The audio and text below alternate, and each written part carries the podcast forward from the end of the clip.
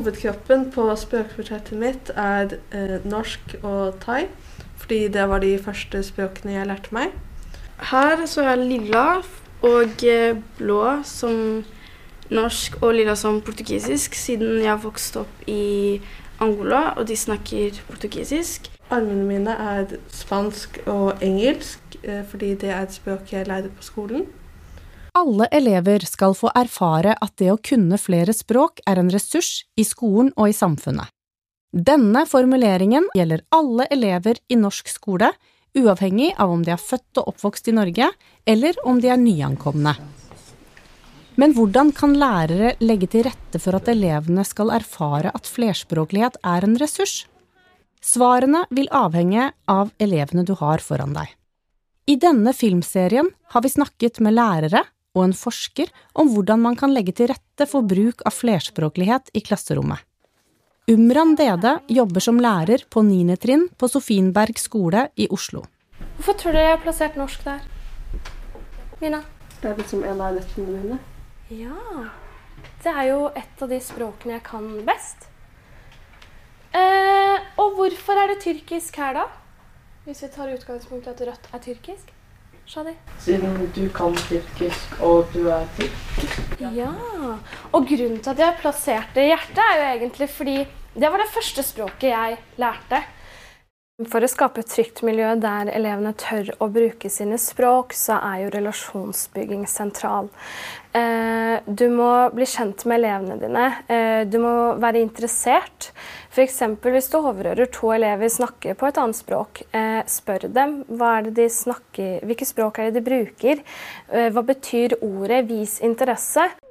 Et tydelig pedagogisk verktøy er jo språkportrettet det åpner opp for erfaringer og historier på en mye enklere måte. Her har vi litt blå, som er spansk, fordi jeg ble født og oppvokst i Spania. Og så har vi litt rød her, og det er arabisk. fordi eh, da jeg bodde i Marokko, der hvor jeg egentlig kommer fra, så lærte jeg arabisk på skolen. Og ja. Og så har vi hjertet og fjeset er marokkansk, fordi hjertet mitt er marokkansk fordi begge foreldrene mine er fra Marokko. Og jeg ville bare adde litt til på fjeset. Og så har vi litt fransk på sidene her, på henda og på fjeset. Det er fordi eh, moren min hun lærte fransk på skolen, og så lærte hun meg litt. Så jeg ville bare adde til det. Og vi har engelsk, fordi ja, jeg lærte også engelsk på skolen. Språkportrettet kan brukes i en bli kjent-fase. F.eks. når elevene starter på åttende trinn, så kan jo det også være en av øvelsene. Jeg valgte fargelegen min eh, halvt gul og halvt eh, blå. Eh, eller gul er da spansk, fordi pappa er meksikansk, så snakker mye spansk hjemme. Og så har vi norsk, som er blå. Og så valgte jeg å blande eh, gul og blå, så det ble grønn i hjertet. Skjønte du? Oh, ja, så at det liksom var så ja. litt av begge. Eh, og så tok jeg litt av armene engelsk. Eh, og så tok jeg litt italiensk på føttene også, fordi at jeg forstår mye av det. Og så bodde vi, eller ikke bodde, men vi var på ferie i Italia veldig lenge. Jåke de Vilde forsker på flerspråklighet i skolen. Forskning viser at noen elever skjuler sin flerspråklighet, og det kan være flere grunner til det. Det er helt avgjørende at lærere viser at flerspråklighet er en ressurs for at elever skal tørre å bruke den flerspråkligheten i klasserommet. Jeg også var den eleven som satt bak i klasserommet og kanskje følte at eh, morsmålet mitt var noe jeg holdt utenfor klasseromsdøra. Men med årene så lærte jeg at jeg kan dra det inn i skolearbeid. Men det er mange forskjellige språk på det portrettet. Hvilke andre er det dere ser? Aksel? Engelsk. Engelsk. Hvorfor tror du jeg har engelsk der, da? Fordi at eh, det er det tredje mest språket det brukes sikkert. Ja. Det er jo et språk vi lærer på skolen. Fra første klasse. Du kan starte med å modellere ditt eget språkportrett for å vise hvor bredt du tenker om språk og Det fører til at elevene da lettere åpner seg opp sine, om sine egne erfaringer. Er det noen som ser på koreanske serier? Nei. Og er det bare meg? Det var kult når jeg var ungdom. skjønner Du Shadi? Jeg. Du gjør det? Ikke sant? Da blir du jo eksponert for koreansk. Eh, ser dere på serier og filmer på andre språk, da? Moment. Engelsk, blant annet. Engelsk?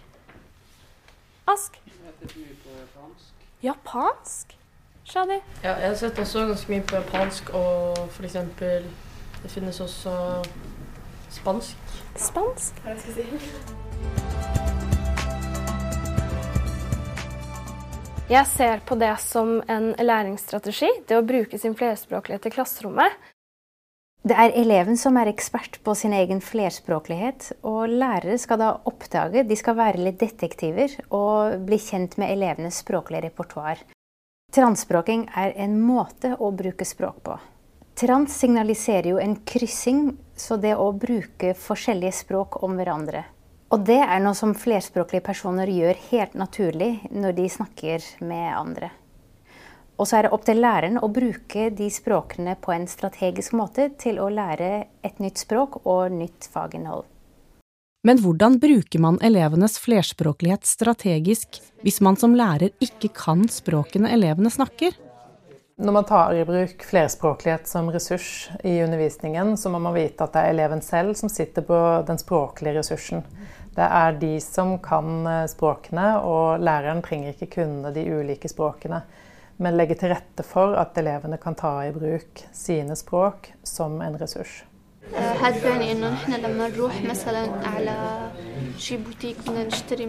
Det er viktig at elevene vet eh, når de kan bruke ulike språk, og hvorfor vi bruker det.